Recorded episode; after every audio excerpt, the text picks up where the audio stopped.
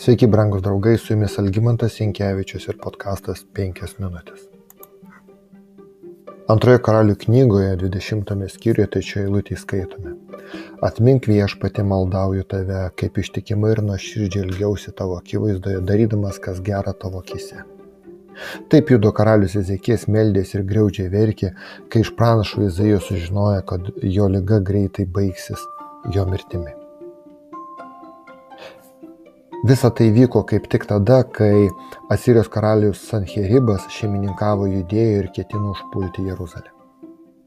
Dievas atsakė į karaliaus maldą ir tarė Izaijai, grįžk ir pasakyk mano tautos vadui Ezekijui.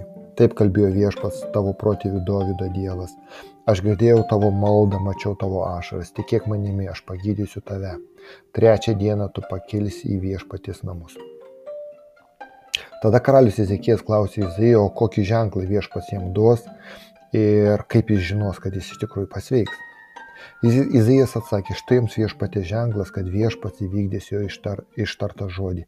Viešpats sugražino atgal šešėlį dešimčia pakopų, kuriamis saulė buvo nusileidusi ant Ahazo laiptų.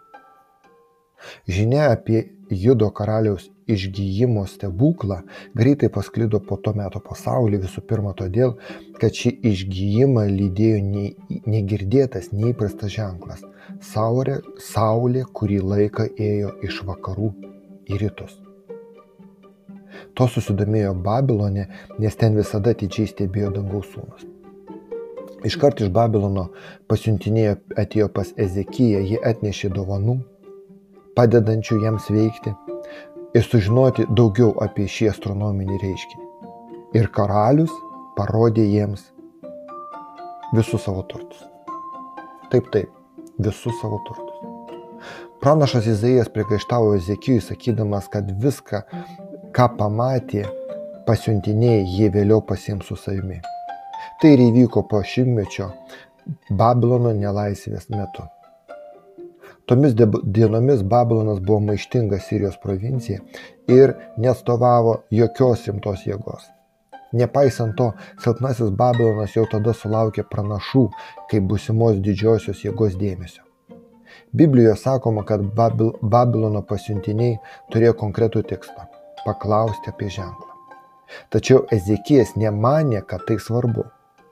Dievas atvėrė nuostabią evangelizavimo galimybę, kurią Ezekijas nepasinaudojo.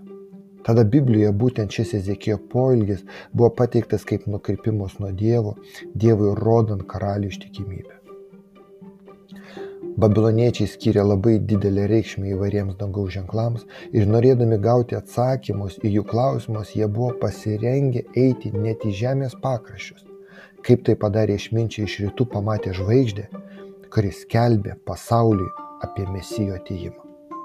Ezekijui buvo suteikta galimybė pašlovinti viešpatį ir perduoti pagonių karaliui žinę apie Dievą, viso ko korėją, Dievą gydytoją.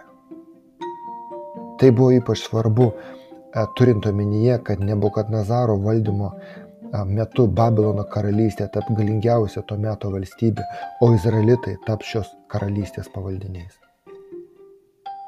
Ką žmonės mato mūsų namuose? Ką liudija jiems mūsų gyvenimas? Jėzus pasakė, jūs pasaulio šviesa. Neįmanoma nuslėpti miesto, kuris pastatytas ant kalno. Ir niekas nevožė indu degančio žiburio, bet įstato žibintuvą, kad šviestų visiems, kas yra namuose. Taip tie šviečia ir jūsų šviesa žmonių akivaizdoje, kad jie matytų gerus jūsų darbus, išlovintų jūsų tėvą danguje. Matova Evangelija pagal Matą penktas skyrius. Paulius priduria, kad mes esame Kristaus laiškas, kurį skaito visi. Dievo planas pasiekti pasaulio su Evangelija yra toks, kad mūsų gyvenimas, ne, gyvenimas, o ne tik teisingi mūsų žodžiai, yra mūsų liudymai apie Kristų. Brangus draugai, nepamirškime, kad Kristaus meilė galingai gali pasiekti žmonės tik tada, kai atsispindi mūsų kasdieniam gyvenime. Su jumis buvo penkios minutės ir Algimantas Jankevičius.